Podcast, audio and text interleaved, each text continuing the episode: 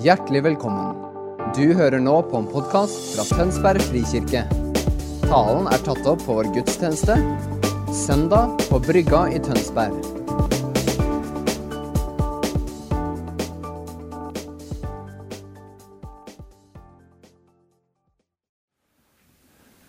God søndag.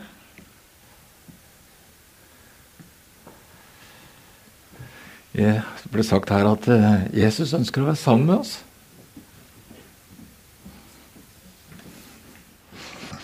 Måten han kan være sammen med oss på, er mange, mange måter. Det viktigste er at han på en måte gjør noe inni hjertet ditt. Om du kjenner det sånn som jeg gjør nå, eller ikke, er ikke det viktige. Men at det er noe som drar hjertet ditt mot han.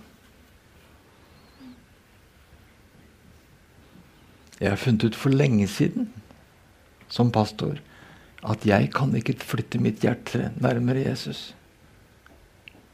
Jeg får det ikke til. Men når han kommer, så sklir det av gårde.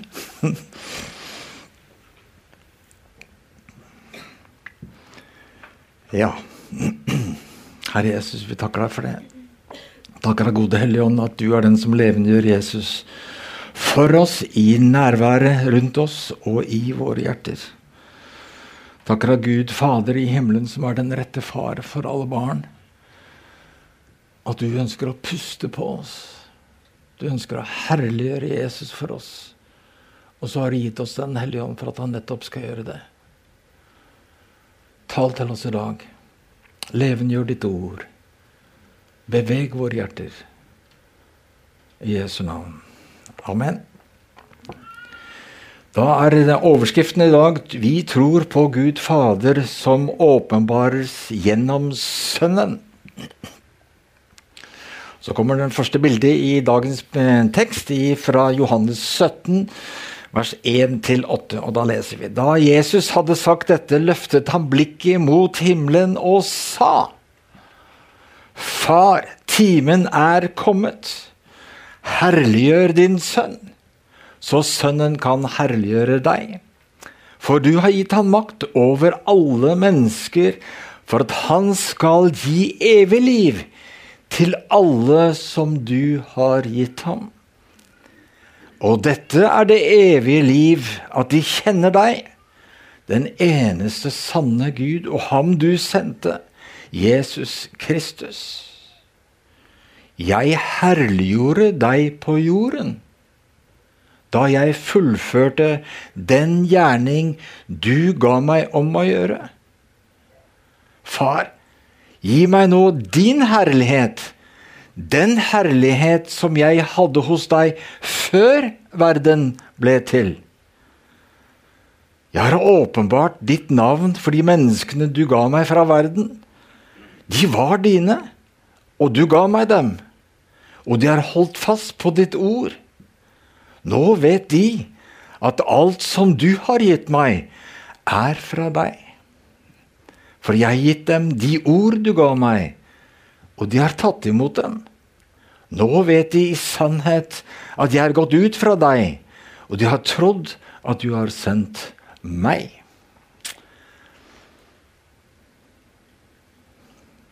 I denne spesielle bønnen, eller heller vil jeg si proklamasjon, Jesus ber egentlig svært lite, hvis du legger merke til.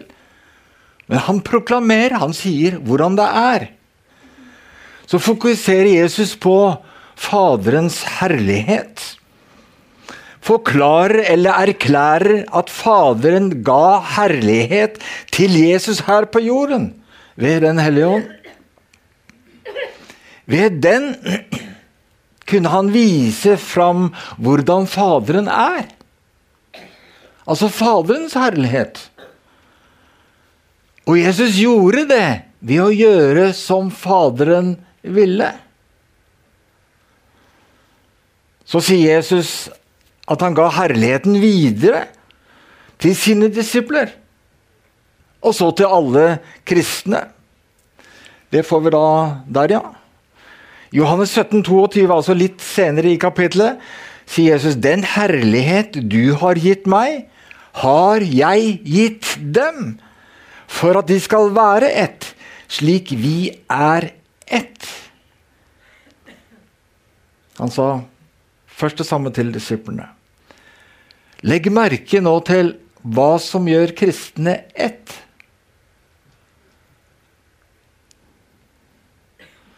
Det er Faderens herlighet som virker i oss. Kristen enhet er vanskelig å få til uten Guds herlighetsvirksomhet. Det er mange som prøver. Men Guds herlighet, når den virker på en forsamling, eller forsamlinger, skjer det en sammenkobling i enhet som er av Guds ånd. Living Bible beskriver uttrykket 'herligheten som er gitt dem', som Jesus sier, på en litt artig måte. My life is on display in them.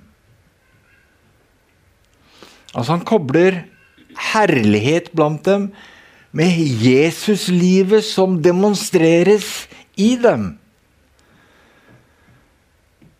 Faderens og Jesu herlighet handler her om det overnaturlige liv. Som de har, og som de deler da med oss. Jesus ber så, en av bønnene hans, at Faderen må bevare de kristne i dette overnaturlige livet. Som herligheten muliggjør i dem. Det betyr at det kan glippe for oss. Vi kan prøve å leve kristenlivet uten denne herligheten. Eller Kristuslivet. Derfor ber Jesus Faderen velsigne alle de kristne med dette Kristuslivet, slik at det ikke forsvinner i dem, men heller kan vokse i dem. Jeg sier amen, Jesus. Amen, amen, amen. amen. Hva betyr Faderens herlighet? Som han har, som han gir til Jesus, og som Jesus gir til oss. Hva skal vi tro? Vi tror på Gud Fader og Hans herlighet. Og hva betyr denne herlighet for våre liv med Gud? Det er det kanskje det viktigste å få svar på. Herlighet. Vi sier ofte 'herlighet'. Hva mener vi? Da mener jo Bibelen eh, nokså mye om dette. I, på gresk, som er det vi leser her, eh, eh betyr do, eller står 'doxa', om det sier av noen som helst. Men det ordet blir altså da fylt med innhold fra det hebraiske uttrykket på herlighet, eller 'glory' på engelsk. Så det heter kavod. Morten var innom det her for to søndager siden, var det vel. Det handler om Guds realitet, eller Guds majestet. Guds opphøyethet. Eller vi kan si hans vesen. Som altså er kjempebra, slik at de bruker ordet 'herlig'. Hans vesen er fantastisk. En ubeskrivelig herlighet. Og vi får liksom ikke til å si det flott nok. Det hebraiske ordet kavod, altså herlighet, har et rotord altså hvor det kommer fra, som er egentlig interessant. Og Morten nevnte vel det også. Og det betyr å gjøre noe tungt. Og det er jo litt tankevekkende, da.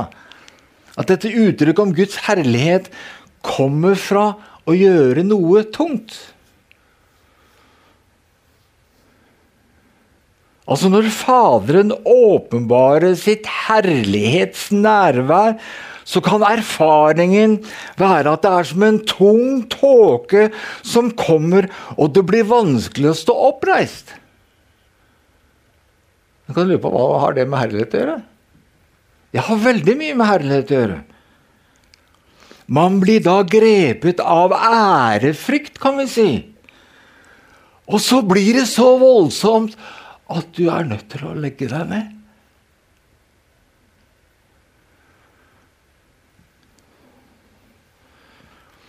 Kavod betyr også ære, lysglans, makt.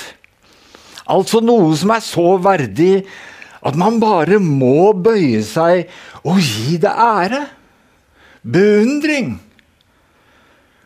Noe som har en gjennomtrengende lys, som opplyser ens indre og forvandler ens indre. Noe som er allmektig. Ingen andre har tilsvarende makt og velde. Og når det åpenbares, så blir det for kraftfullt, for mektig å oppleve, og man faller til jorden og blir grepet av det, og dør hvis det ikke begrenses. Guds herlighet altså er råskummelt. Det handler også om Guds personvesen. Hans utstråling og derav hans påvirkning av det som er rundt ham. Guds vesen henger også sammen med Guds navn. I vers 6 som vi leser, så sa Jesus, 'Jeg har åpenbart ditt navn for de menneskene du ga meg fra verden'. Amplified Bible sier det slik, 'Reveal your very self'. Altså åpenbart ditt egentlig selv. Ditt vesen. Gud er etter sitt vesen usynlig for oss. Det har vi kanskje oppdaget. Kan liksom ikke se ham. Men samtidig manifesterer Gud seg mer eller mindre i verden som han skapte. Hele skapningen vitner om Guds herlighetsstorhet. To bibelvers på det. Du finner mange i mål, men jeg syns disse to er litt morsomme. Eh, da blar du videre. Der, ja! Salme 19,2. Himmelen forkynner Guds herlighet. Og da fant jeg dette bildet her. Det heter ikke Guds øye. Det heter et sånt eh, stjernebildenummer. Men jeg tenkte på, hvis du tok en kikkert og tittet inn i himmelen, så plutselig så du deg, så ville du kanskje skvette litt. Jeg ser deg. Tenk å lage noe sånt, da! Alt det der du ser ut som et øye, det er millioner og milliarder av stjerner som sammen blir det der. Og Salme 8,2.: Guds herlige navn er utbredt på himmelen. Ta en stjernekikkert og se hans storhet, hans skapermakt, hans herlighet. Hans prakt er utbredt på himmelen. Neste bilde. Gud åpenbarte seg så i Israel. Ikke bare i himmelen, ikke bare i naturen. Og når han åpenbarer seg i Israel, så tales det da om Guds herlighet. Og da har vi Moses, da. Er et knallgodt eksempel på dette her. Da var det jo lyn og torden han åpenbarte, Gud åpenbarte seg på Sinai, og Moses var der oppe. Så var det jo lyn og torden og skjelving og masse rart. Og det var så skremmende at folk turte ikke komme nær. De sa 'Moses, du går borti det der rare der'. Så blir vi liksom her på sletten. Og så gikk altså da Moses opp. Og så er det det rare med Moses at han ønsket å, å se mer av Guds herlighet. Gud, vis meg din herlighet! Og det sa Gud at beklager, Moses. Hvis jeg viser deg min herlighet, så dør du. Kroppen din vil ikke makte det. Det vil være et herlig uttrykk som er så sterkt at en menneskekropp ikke vil tåle det, men dø. Men siden du ønsker å se herlighet, så kan jeg vise deg litt av den, sier Gud. Og da er det interessant at han, det står i norsk bibel at vi skal se hans herlighet bakfra. Og da er det en antydende måte å si på at herlighet forfra er større enn det som kommer bakfra. Så jeg tenker meg liksom, Guds herlighet stråler jo sterkt ut hvor enn du ser han fra. Men, right. men det hebraiske som står der, sånn som jeg har lært at det står 'eftergloen'. Og vet du hva en efterglo er? det er det lyset som skinner ut etter at du skrudd av lyset. Det er det lille på en måte, Hvis du har gamle dager så hadde du sånn 1000 meter på bilene. ikke sant? Når du så de så, sånn, så lyser det sterkt, og så skrudde man, så, er det så, så ser du et lite sånn rødt blink. Det er ettergloen. Altså Guds herlighet som stråler ut etter at han har skrudd den av. Det skulle Moses få se. Og så er det litt interessant da, at når Moses da ser den del av herligheten til Gud som han ønsker å vise ham, så plukker ut bare en bitte liten del av den. Etter at den er skrudd av. Og det han da får se, er Guds godhet. Av alle ting så plukker Gud godhet.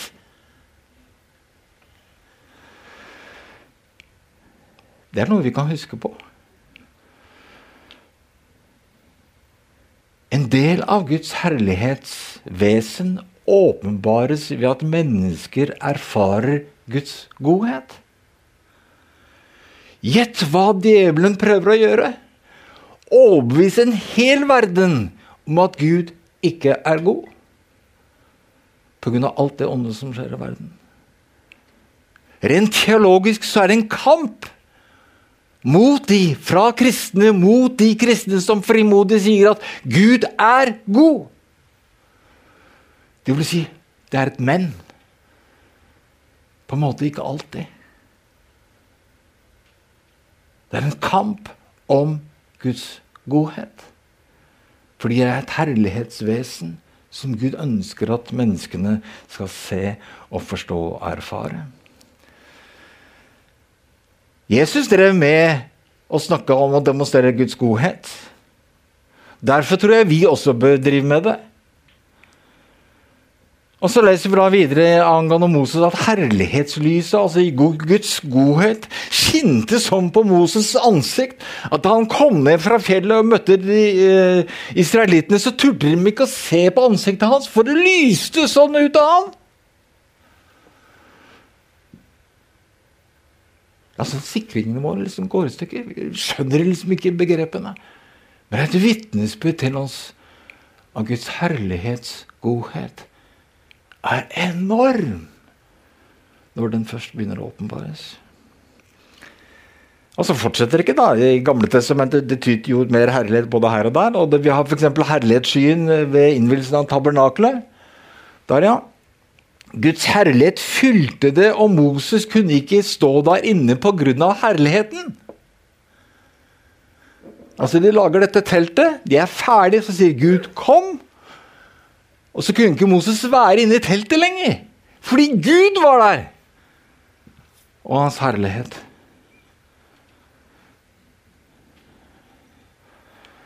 Samme med innvielsen av Salomos tempel, andre krønikerne 514. Og legg merke til at Mens lovsangerne og alle musikkinstrumentene lovet at Herren er Gud, så kom han! Fylte tempelet som en sky. Og ingen av prestene kunne bli stående fordi kavod fylte tempelet. Og de som ikke greide å løpe ut tidsnok, ble liggende igjen.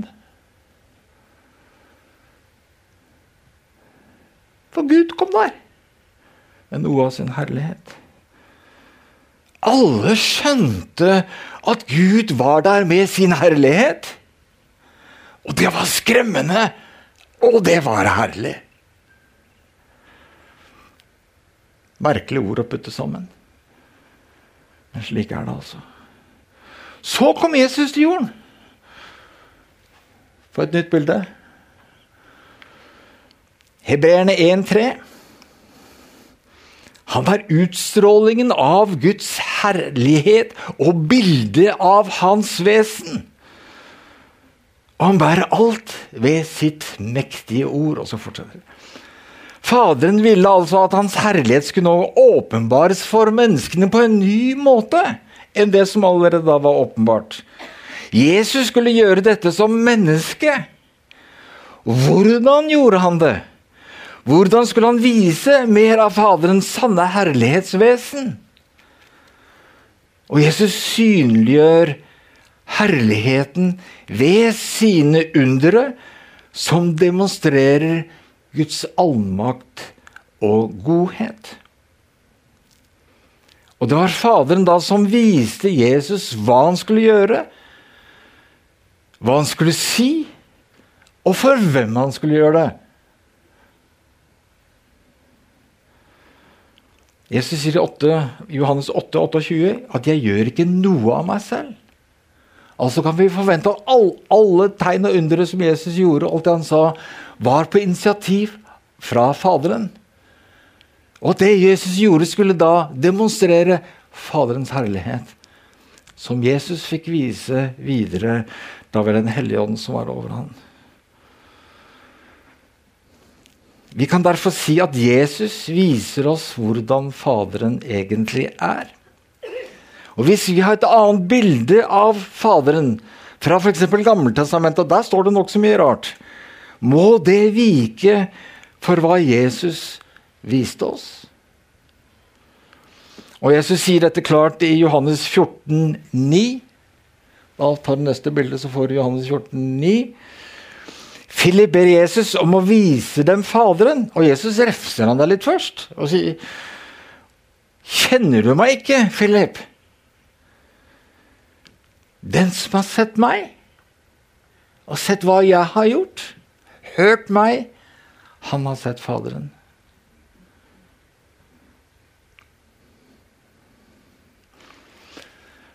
Så hvordan var Jesus? Evangeliene gir oss glimt i, om en person som var ekstraordinær på mange måter. Han hadde en spesiell utstråling. En godhet som til og med syndere likte å være sammen med. Hans ord og det han lærte om Guds rike, var levende ord. Selv om de var vanskelig å gripe og forstå, så gjorde ordene hans noe med dem. Og Et godt eksempel på det er Peter i Johannes 6. Og Det er etter at Jesus har talt litt sånn rart om nattverden, og sånt, og så alle menneskene forlot han. De syns dette var altfor alt for grovt. Det, dette her kan vi ikke tåle å høre. Så vender Jesus seg til disiplene. Skal dere også gå? Og svarer Peter disse forunderlige ordene. Du har det levende Guds ord. Derfor blir jeg. Fritt oversatt kan vi si at Jesus, jeg skjønner bær av det du sier. Jeg blir støtt av å høre dine ord, akkurat som alle de andre. Men det er én ting jeg vet. At når du snakker selv ting jeg ikke forstår, så gjør det noe med mitt indre. Jeg kjenner et pust av Gud. Levende Guds ord.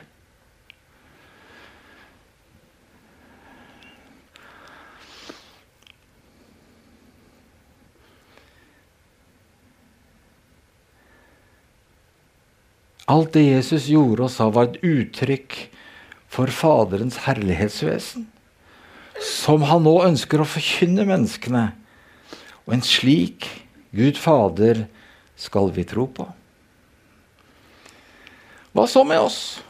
Hva betyr denne herligheten for vårt liv med Gud? Faderen vil ikke at dette skal stoppe med Jesus. Faderens herlighet skal fortsatt forkynnes og demonstreres i verden inntil Faderen setter sluttstrek. Og Vi så på Johannes 17, 10 og ja. Jeg er blitt herliggjort gjennom dem, det var disiplene. Og så er det i vers 22.: Den herlighet du har gitt meg, har jeg gitt dem, altså alle kristne, for at de skal være ett, liksom vi er ett. La oss huske det jeg sa om at herligheten som gis oss, er Kristuslivet. Altså et overnaturlig liv fra Faderen som er herlig. Fordi det er bedre enn det vi kan få til selv.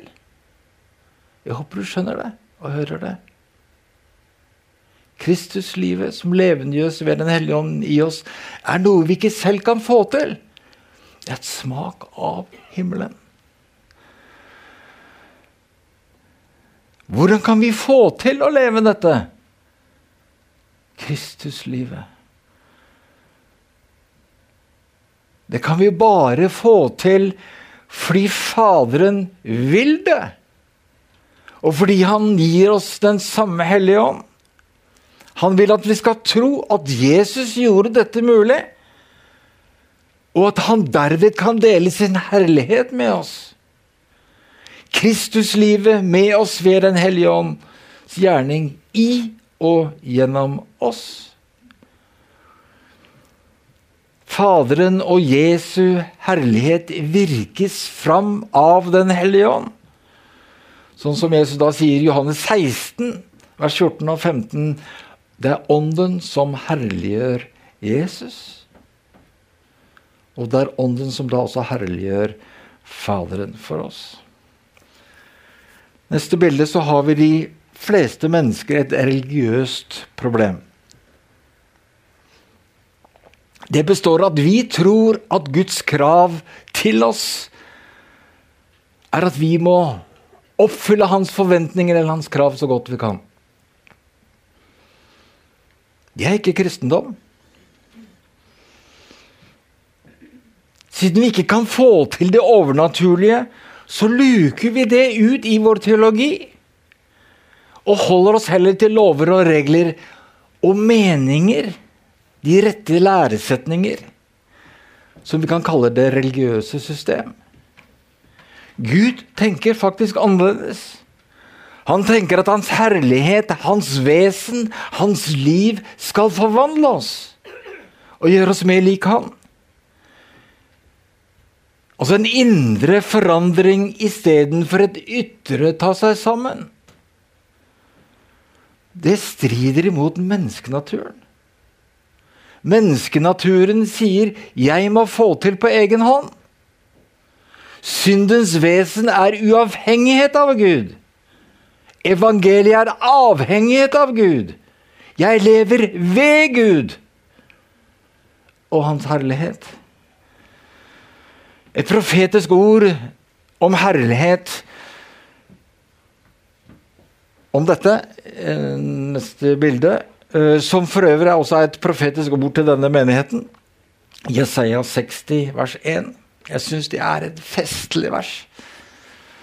Det står det 'Reis deg, bli lys'. Og hvorfor skal du reise deg? For lyset skinner! Og så er det hemmeligheten at hvis du blir sittende, så skjer det ingenting. Men reiser du deg, så treffer lyset deg og forandrer deg.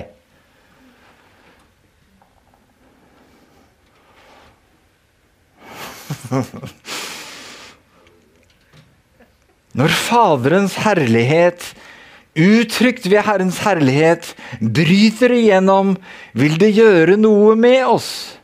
Noe som vi selv ikke får til, vil skje med oss. Dra oss mot Gud, slik at vi velger det Han vil. Det er lyset. Billedlig gjør lyset fra Gud oss til lys. Vår del er å reise oss slik at lyset kan skinne på oss. Det taler om tro. Det taler om at du uttrykker et behov for Guds virksomhet i oss. Og så at vi bekjenner enighet med det Gud ønsker å gjøre. Og Paulus sier det samme i 2. Korinterne 3, 17-18. Og vi som et uten slør for ansiktet ser Herrens herlighet, som riktignok i et speil, altså det sier litt mer diffust. Vi blir alle forvandlet til dette bildet. Fra herlighet til herlighet, og det skjer ved Guds ånd. Det er altså kjempelurt å utsette seg for Guds lys.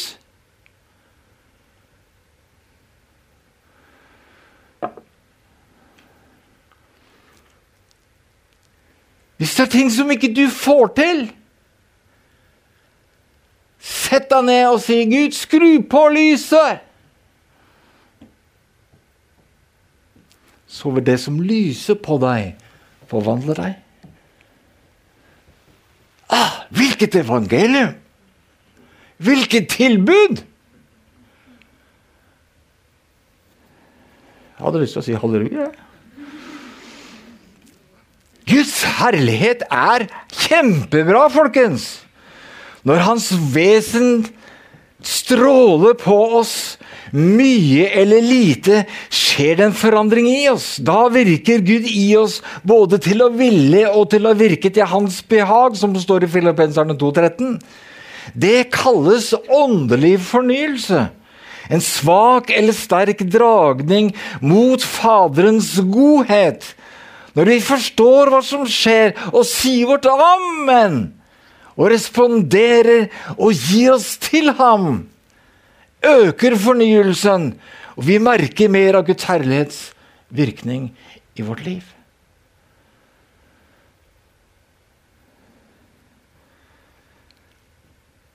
Det kan begynne bitte lite.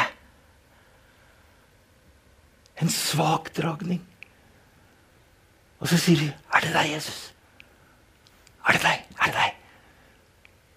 Så sier han, 'Kom, kom, kom, kom.' kom. Og så vender du oppmerksomheten fra alt det andre mot han, og så øker det. Så ber han deg kanskje gjøre en liten ting, og gjør det, så øker det enda mer.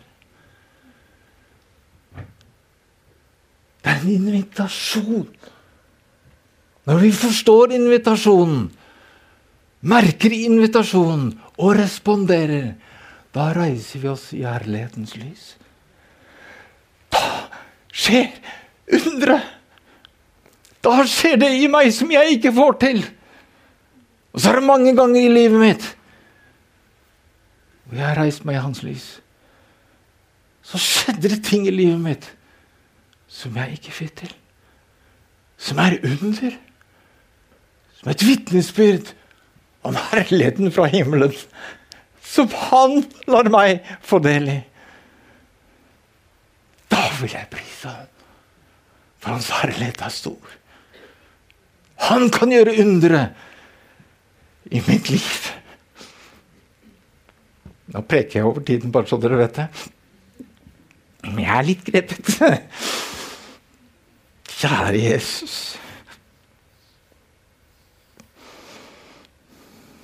Det er altså lurt, jeg vil si kjempelurt, å utsette seg for Faderens herlighet. Og hvordan gjør du det, da? Gudstjeneste skal liksom være et sted da, hvor det skal skje.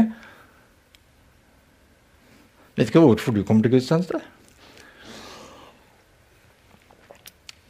Treffe noen mennesker. God grunn, det. Synge noen sanger. Kanskje halvparten av dem liker du. Høre en preken som kan kanskje være kjedelig. Kanskje klø deg litt i øret.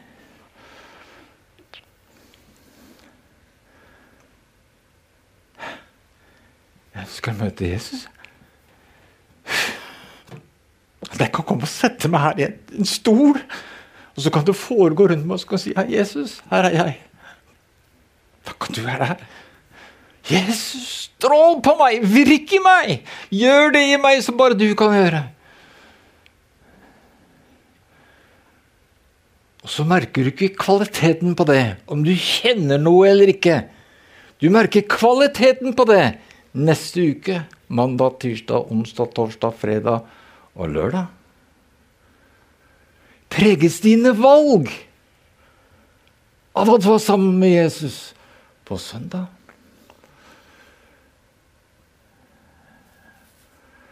Derfor går jeg på gudstjeneste.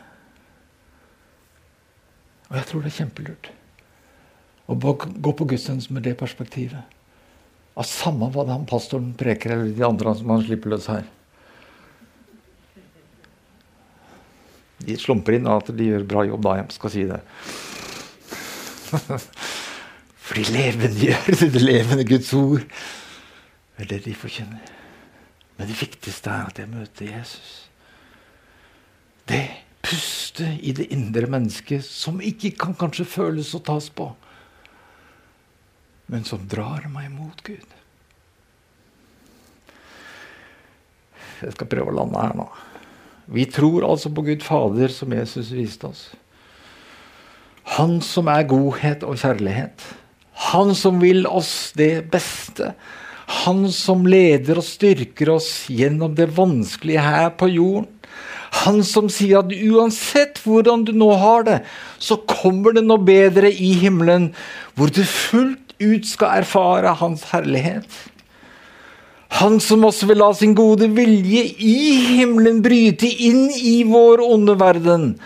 Han som vil dele sitt herlighetsvesen, sitt herlighetsliv, med oss, slik at vi fornyes ved hans nærvær, hans nærværsvirksomhet.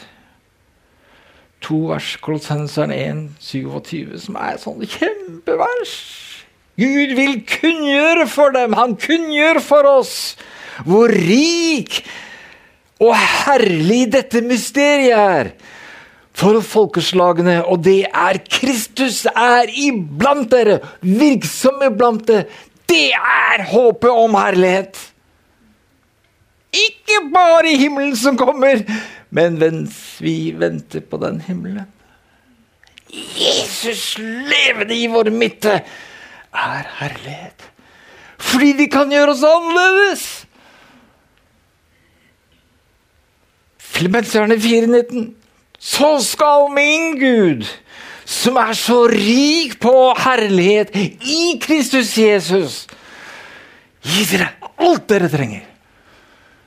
Underforstått til å leve med Han. Og menigheten sa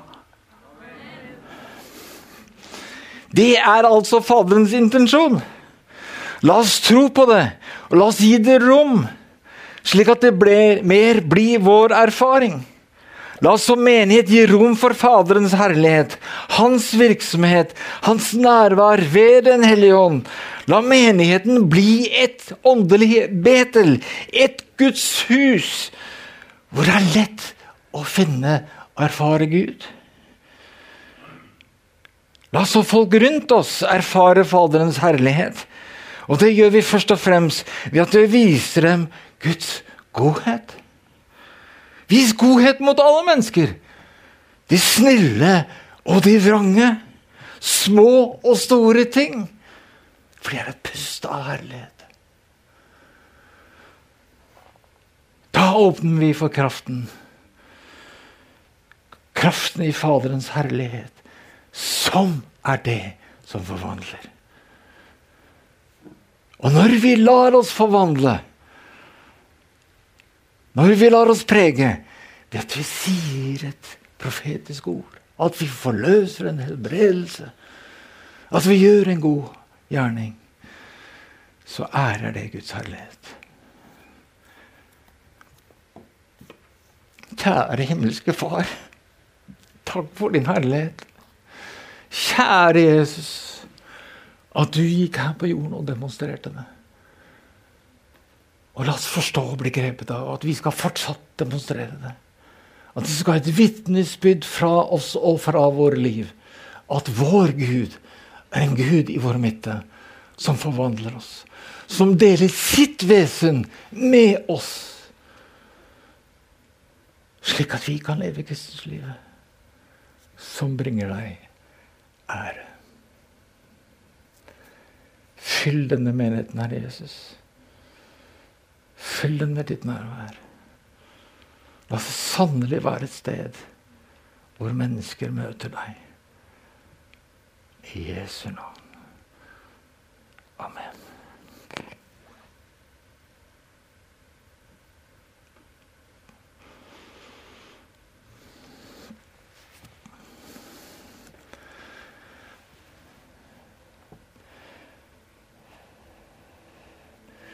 Jeg er egentlig ferdig. Og jeg må si en ting til. Folkens, dette tror jeg på.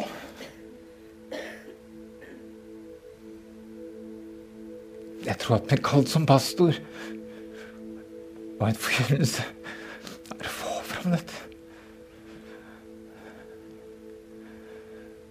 Da Jesus en gang viste sin herlighet for meg Jeg satt i en bil. Jeg vitnet om det mange ganger. Alle ting så satt jeg i en bil Jeg kjørte bil. Og Hans herlighet fylte bilen, så jeg visste ikke hvordan jeg kunne holde meg på veien. Hadde det ikke vært for fire engler, en på hvert hjul, så hadde jeg kjørt i grøften. Jeg holdt meg for all min kraft i rattet. Og jeg kjørte ikke av veien. Og hans herlighet holdt jeg på å si, som det fylte tempelet, fylte bilen. Ødela på en måte hjertet mitt. Hans vesen er så bra!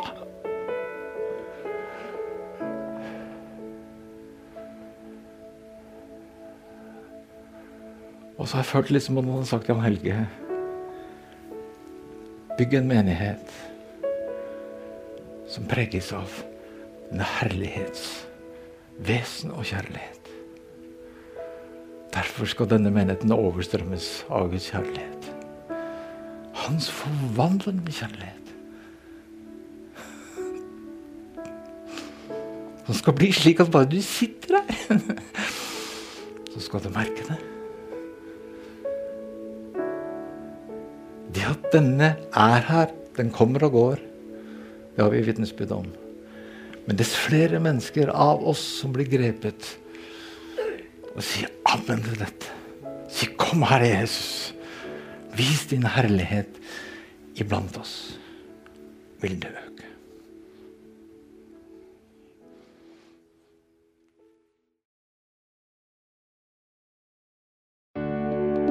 Takk for at du hørte på vår podkast.